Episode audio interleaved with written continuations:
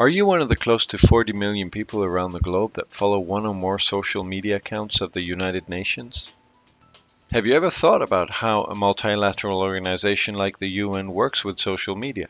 How they decide which topics to cover, how they coordinate their messages and communications all the way around the world? Well, if you have, then we have the answers for you here today. In this episode, we talked to Nancy Groves, who at the time of recording was head of the social media section at the UN Department for Global Communications in New York. Since the episode was recorded, Nancy has changed both jobs and continents, and she is now the digital strategy chief for the UN Environment Program in Nairobi, Kenya. But our conversation about the use of social media at the UN as a whole is still valid and very relevant. I hope you enjoy it. So today we're talking to Nancy Groves, who's chief of the social media section at the UN Department for Global Communications in New York. Uh, welcome and thank you for taking the time to talk to me. It's my pleasure. Could you start by telling us a little bit about uh, your background and how you got into digital diplomacy? Sure. I've been at the UN now here in New York for 15 years. Uh, before that, I was working in some news outlets, CNN and National Public Radio in Washington, D.C. My background was in information studies, so I had been looking at how people use technology to find information, usability studies, database design, etc. So here at the UN, I've held a variety of research and communications jobs. I was working on internal communications before, and I was very lucky that a uh, senior communications manager, when she realized that she needed an advisor on social media, she reached out to me. So I think the fact that I had all of the contacts and a very good understanding of the sensitivities of UN communications, that I just happened to be in the right place at the right time in order to take on a different role, which is using social media to communicate for the UN. At that time, I was the only person. So, uh, over it's taken us nine years really to build up the team. Things move quite slowly here at the UN, but now we have a pretty good sized team. Of course, it's not big enough, but we have um, a team that's putting out social media content in the name of the UN in nine languages. Hmm. So, what what does the social media chief of the UN actually do? What what does a typical work week look like for you? I guess like most UN managers, my a typical work week for me looks like a lot of meetings, uh, in person and phone meetings with different people or at different duty stations. A lot of emails back and forth.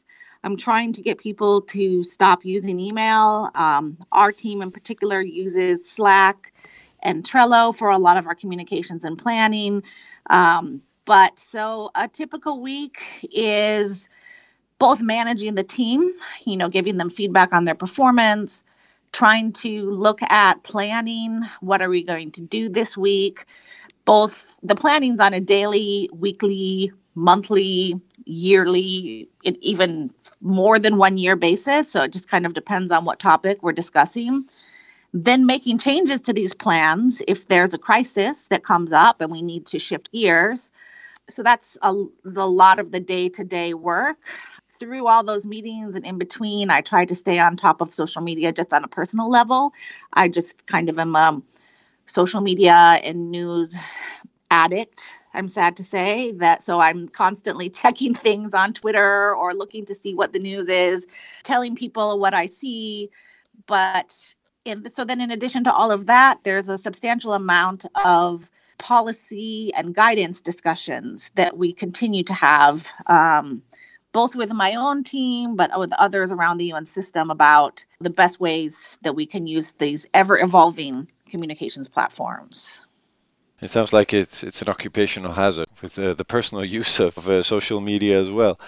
Um, I mean, it sounds like it's a lot of office work and then outreach to people around the world. How does that work? How big is your team in New York, and, and how many people do you work with around the globe? So, social media still is pretty decentralized within the UN system. So there will be a lot of different people working on social media in different capacities. But my team in particular, so we have nine languages. Those are the six official UN languages plus three additional Hindi, Portuguese, and Kiswahili. And we have two people working on each language. For Hindi, right now, we actually only have one, as that's a new sort of pilot project, but two people for each of those languages. The priority platforms for, for them are Facebook, Instagram, and Twitter. For the Chinese colleagues, their priority platforms are Weibo and WeChat. We also have an account on the Russian language platform VK. We do have a presence on Snapchat, LinkedIn, Tumblr, a few other platforms. In addition to me, as sort of the overall manager of the section, we have a lead strategist and policy expert, and we have two people in roles.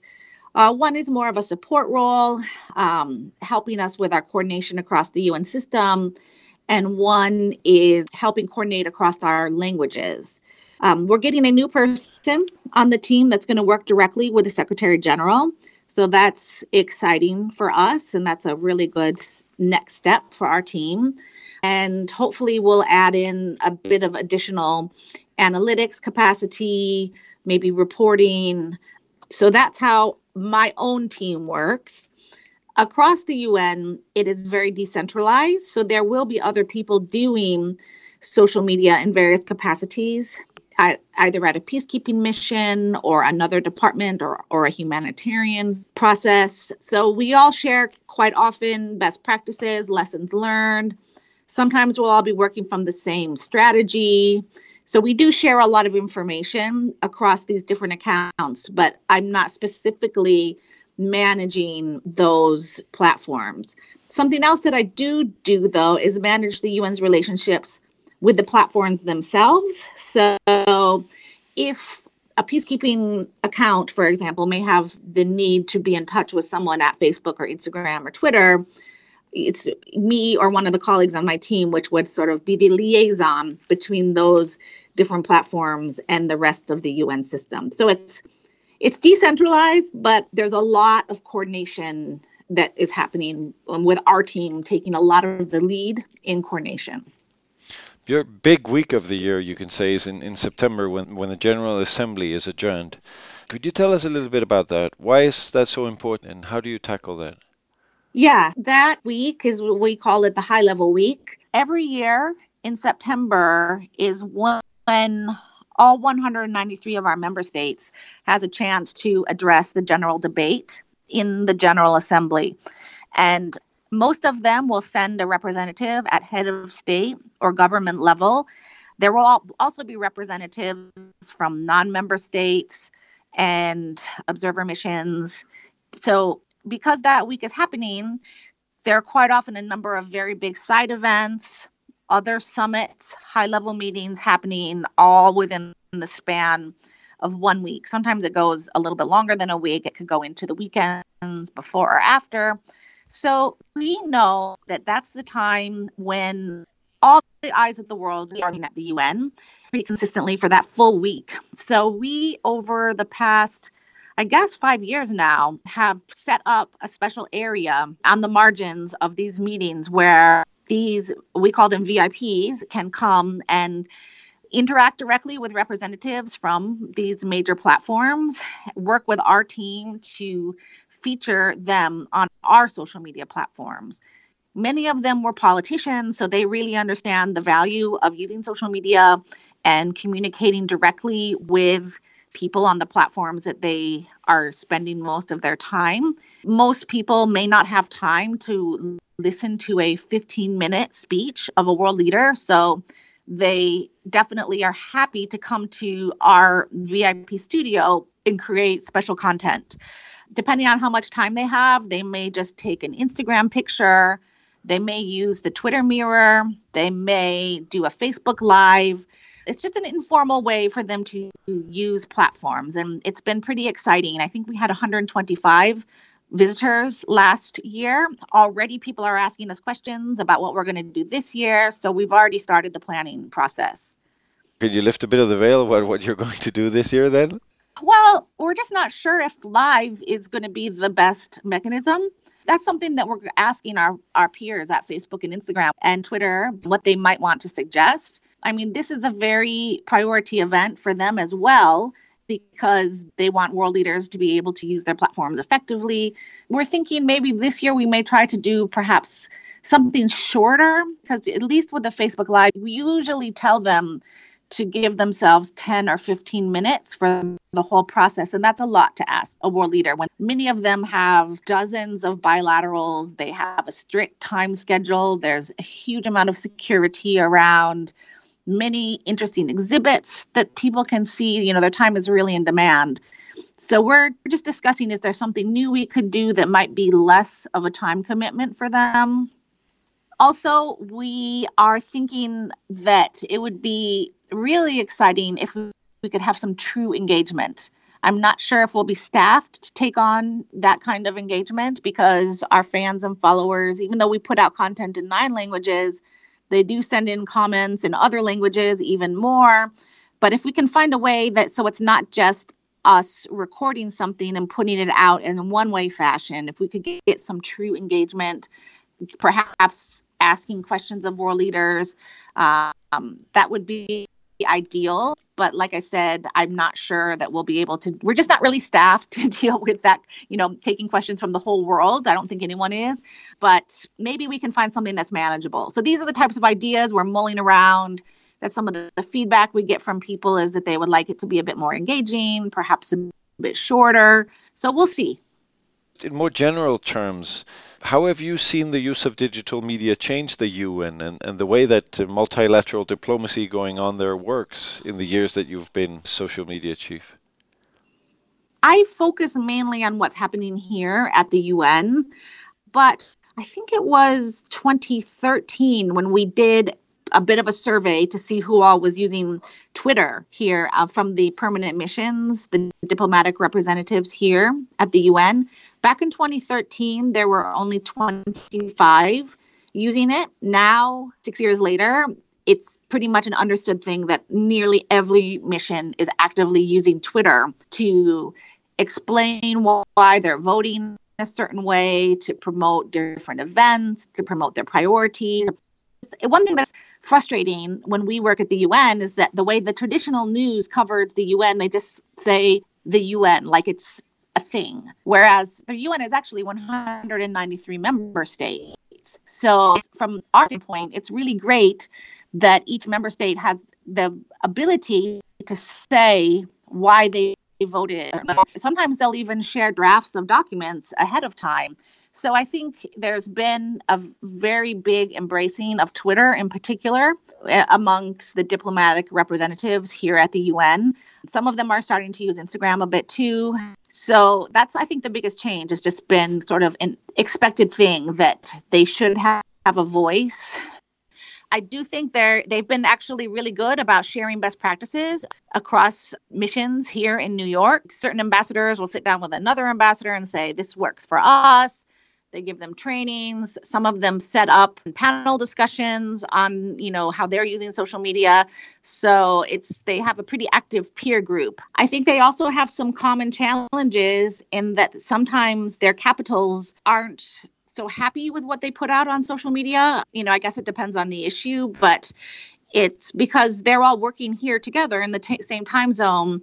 They need to be able to act pretty quickly. They may need to comment on a meeting that's happening here during um, our work hours. They may be under some pressure to put things out a bit more quickly than their capitals may. Uh, so I think that might be a challenge for them. But of course, the UN pretty much works 24 hours every day. I mean, sometimes the Security Council will meet at midnight. So um, it's just that's the reality of international work. I think those are the biggest changes over that I've seen over the past few years. And for you, how does digital media then help you advance the mission of, of the UN today? Well, we know that people are talking about UN issues on these platforms. So, really, for me, the main goal is that if people are talking about UN issues, we want them to have accurate, reliable information.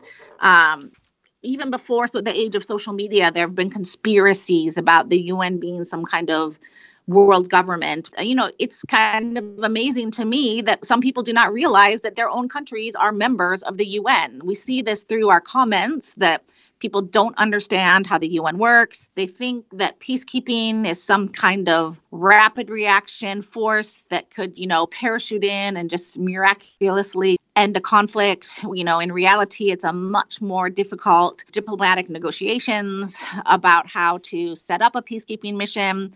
So for us, just being able to put out accurate information is really key. Of course, we would love it if when people get information on our priority issues, whether it's taking action on climate or promoting human rights, that they have something positive and accurate to share. Whenever we see people sharing our UN content with their friends and their families and with anyone who sees them as influential online, that's really makes us happy with with our work and our outcomes especially because there's so much inaccurate information out there. There's a lot of negative things about un issues gender equality healthcare for all. You know I don't know why people wouldn't be supportive of gender equality or healthcare for all, but these are things that the UN is pushing for safety, peace, and security for people. So if people can share these, you know, a bit more positive messages about the value of internal cooperation, that's really the, the main reason that we see that social media can um, be a huge benefit to the UN and its work and its information and communications objectives. How do you choose the topics you, you cover? Are there any topics you cannot cover? You talked a little bit about it before. United Nations is an organization of 193 member countries, and, and they don't always agree on, on the solutions and the way ahead yeah, it's tough. Some information campaigns are sort of mandated by the member states where they will pass a resolution and they will ask our department to you know discuss disarmament. And so we will then very carefully look at what they're expecting in those resolutions. You know most of these international days which are very popular on platforms um, international day of for the elimination of racism or human rights day those all all of the resolutions creating those days usually specify that our department should take a lead role in getting information out as widely as possible. So we definitely take our key from our member states. We try to do a mix of that with a mix of unbiased reporting about what happens. So, you know, if there is a veto in the um, Security Council, we will, there is that sort of unbiased, neutral, we'll put a video out about it. Um, we'll explain what the member states said. We'll let people watch the full meeting through live web streams, etc. So there's a mix of news coverage, campaign issues. Um, the Secretary General also sets priorities. So we also work with his team and spokesperson and speechwriters to decide what is the UN saying about a particular issue. So a lot of what goes on social media is an adaptation of what is, you know, other forms of communication. Through our comments, we see that people don't necessarily understand how the UN works. For example, one common question we get or common comment is that the UN is a waste of taxpayers' money, which is obviously not true. So we put together some information materials on how actually the UN is very cost effective. Our impact for a very small amount of taxpayer dollars so we also take what people are saying about the UN and then we try to create content that actually answers their questions. And then we feed that into other communication strategies.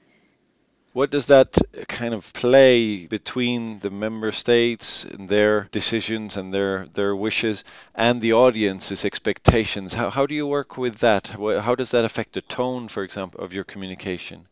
Well, you know, it is hard because how do you talk about how are we representing what 193 countries might want to say when there are definitely issues on which they are not agreeing There are long-standing humanitarian crises for which there's no solution, for which some member states may be playing a part. So we just try to be as neutral as possible on those issues uh, from a political standpoint.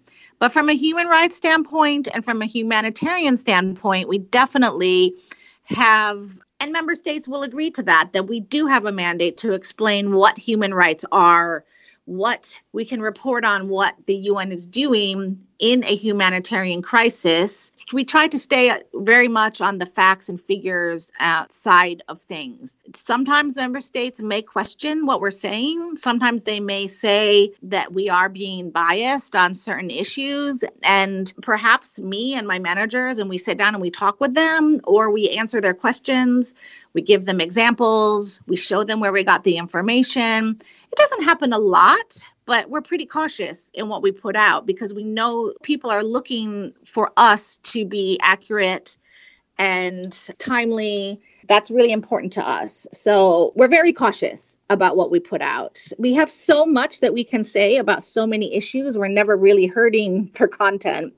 There's always an update coming in from a peacekeeping mission. There's always some humanitarian report or a statistical report that we can put out so many great photos but we don't shy away from diff- difficult topics so like for example sexual exploitation and abuse by UN staff around the world. We put out those numbers on what, and we're put out what we're doing to address the small numbers of staff who are not following our zero tolerance rules for that kind of behaviors.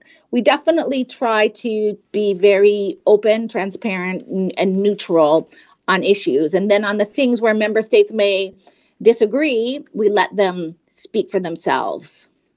So you communicate in nine different languages and you communicate to local audiences in, in all parts of the world. How do you find the balance between guaranteeing a uniform message globally and then adapting it to the local context?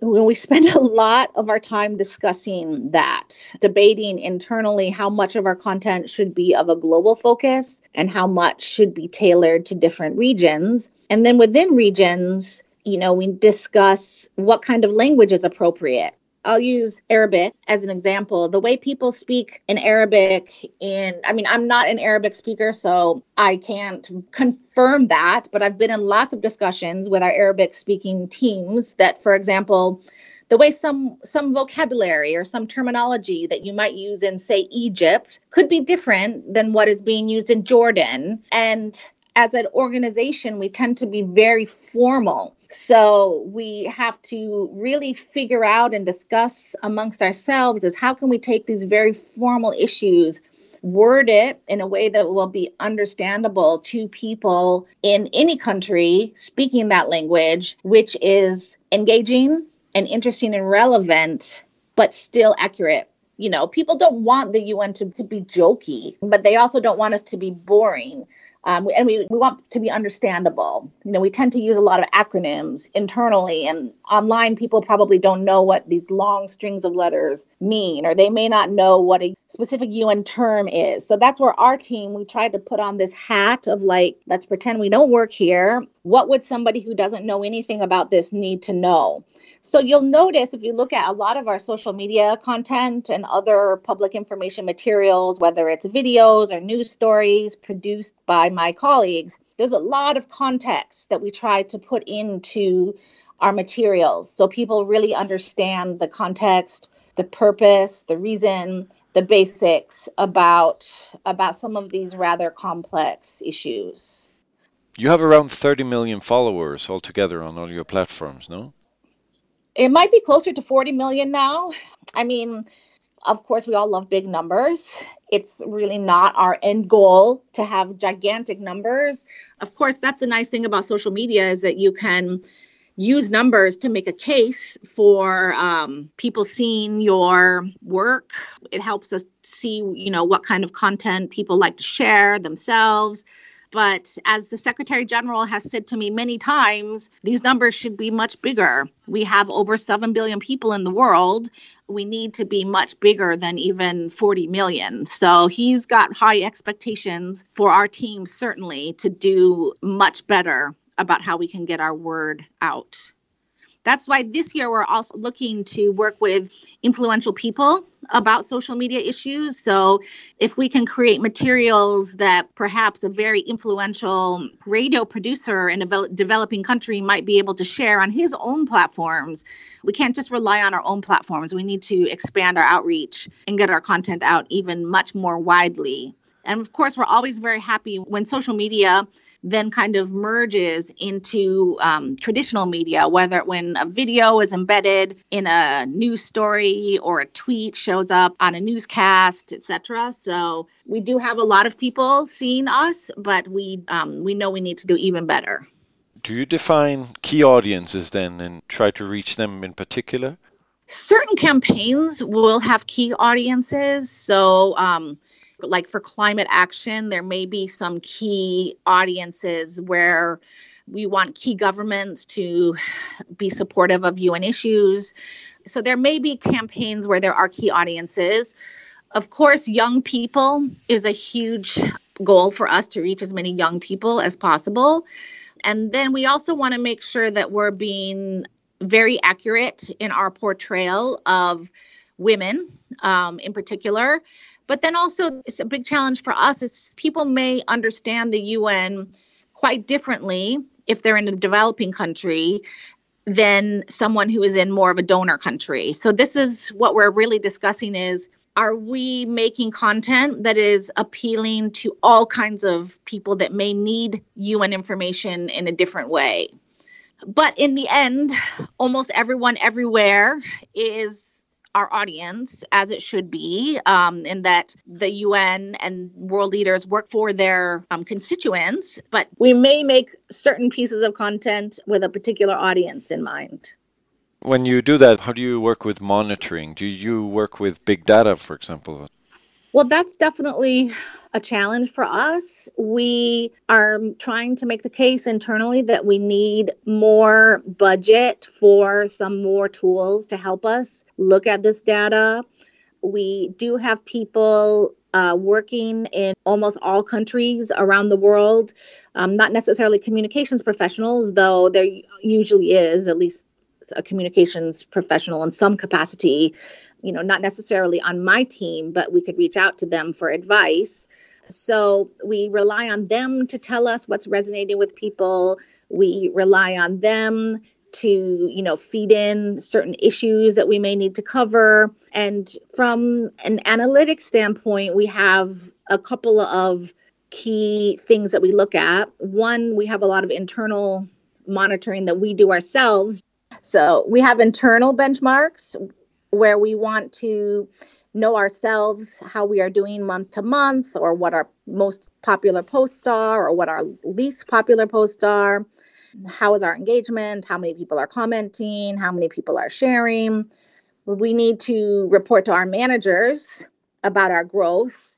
And then certain campaigns will have benchmarks where we need to say we reached a certain number of people in these areas, or member states will ask us. So there's a lot of different reporting and analytics challenges that are happening. When you do benchmarks, do you also do benchmarks outside the UN? I mean, uh, looking at other organizations or, or countries to, to see how they do it and look for best practices and inspiration? We do. Um, we're in touch with people you know even within the UN system you know we share our data with our you know World Health Organization or we may compare ourselves to UNICEF or the World Bank and NATO. We look at what Greenpeace is doing. We look at what Amnesty International is doing. We look at what certain world leaders are doing so we can give that kind of information to our senior managers. That's a, really more done on an ad hoc basis we should do more of it definitely. You said before that you're a prolific tweep, it's called, isn't it? uh, and, and in recent tweets, you've you've talked about problems of, of social media. You talked about manipulation, disinformation, and, and a growing lack of trust in the international space. Mm-hmm. How do these things impact your work? What do you do to, to counter them? Well, I think we just need to be aware. I mean, if we are relying on these platforms to get our information out, we need to be aware of what the legal implications are sometimes with some of the, you know, advertisements on these platforms. We need to understand how they work. We need to understand if they are indeed promoting certain issues or if they were blocking any kind of content. We just need to be aware of that. So I really do try to study what's happening as much as I can on those platforms. You know, certain countries have different laws and um, restrictions on how social media works from a either from a business standpoint or from a privacy standpoint. So we need to be we need to be aware of how that works. So, for example, if a particular platform is not allowed in a certain country, that's going to affect our statistics. And we need to then maybe find a different platform to use or a different way to use it.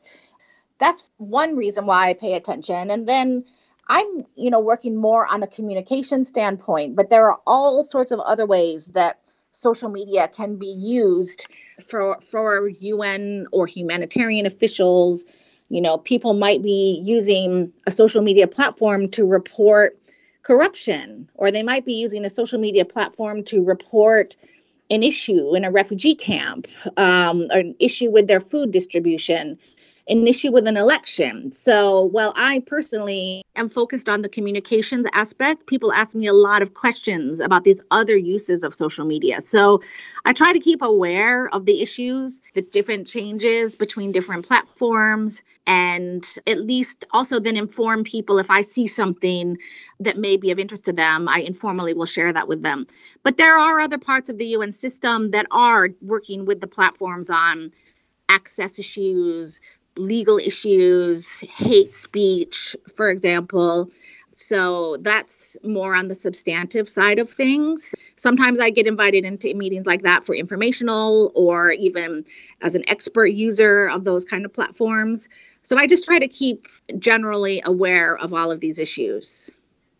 Well, apart from these issues, uh, where do you see the biggest challenges in, in the future for your work, and where do you see your work heading from here? Well, the biggest challenge is always going to be scale. So, how can we do more?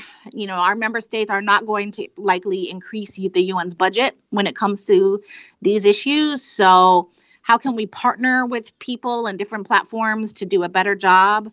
How can we get, you know, the corporate sector or civil society involved in in these issues? I think that's always going to be the biggest challenge. Um, really figuring out how to listen more and to use the comments in to, to better inform our decision makers.